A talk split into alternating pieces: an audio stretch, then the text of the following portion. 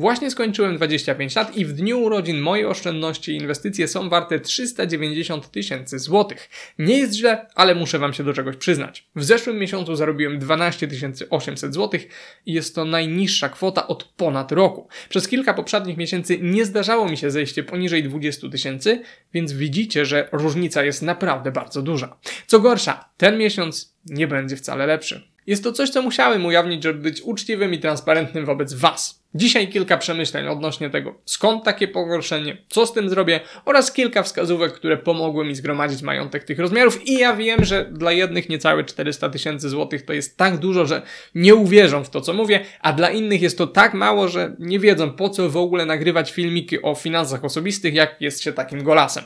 Rozumiem obie strony, macie prawo tak myśleć, ale nie zmienia to faktu, że dla części osób to jest nadal coś, do czego aspirują i dla nich moje wskazówki będą przydatne.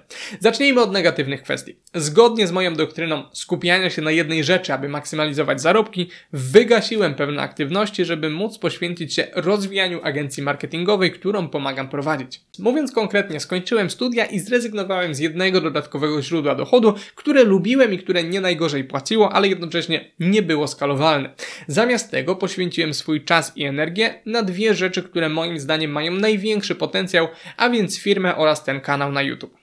Obie te rzeczy są ze sobą częściowo komplementarne, bo agencja zajmuje się prowadzeniem kanałów YouTube dla przedsiębiorców, a więc częściowo pokrywa się kompetencjami z tym, czego uczę się rozwijając swój kanał.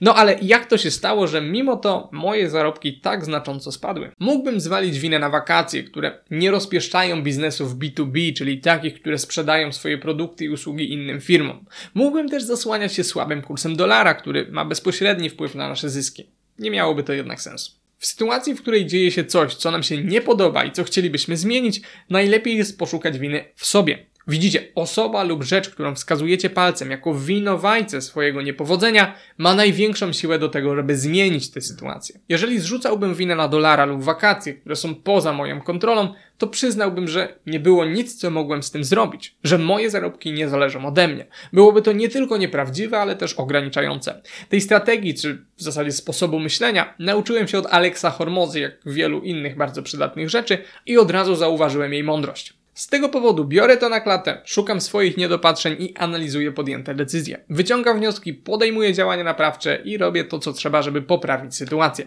Będę dawał znać, jak mi poszło.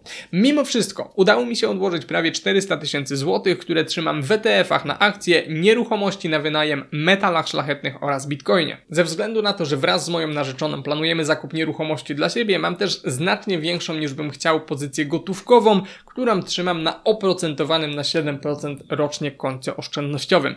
Niestety całość bardzo się przedłuża przez nasze niezdecydowanie i sporo za to płacę pod postacią inflacji. No ale teraz najważniejsze trzy rzeczy, które pozwoliły mi zgromadzić prawie 400 tysięcy złotych w wieku 25 lat. Po pierwsze, nakierowanie na zarabianie. Zdobycie odpowiednich umiejętności i wykorzystanie ich do zarabiania pieniędzy jest najważniejszym elementem budowania majątku. Nie zastąpi tego nic, no może poza spadkiem albo wygraną na loterii, ale na to raczej bym nie liczył. Po drugie, życie poniżej swoich możliwości. Ludzie dziwią się niesamowicie, że jeżdżę 25-letnią Mazdą bez klimatyzacji i spoko, niech się dziwią. Mieszkanie, w którym mieszkam też nie jest jakieś duże i wynajem nie jest wcale drogi. Nie wydaję też pieniędzy na niepotrzebne gadżety i nie muszę nikomu imponować. Trzeci punkt to skuteczne inwestowanie. W tym momencie nie jest to jakiś bardzo istotny element układanki, bo procent składany nie miał jeszcze dużo czasu, aby pokazać swoją prawdziwą siłę, ale w połączeniu z dobrymi zarobkami już teraz ma to zauważalny wpływ. Więcej o tym, jak zacząć budować majątek oraz zarabiać więcej, opowiadam na tym filmie. Znajdziecie tam kompletny plan dla kogoś, kto nie ma tyle kasy, ile chciałby mieć. Do zobaczenia po drugiej stronie.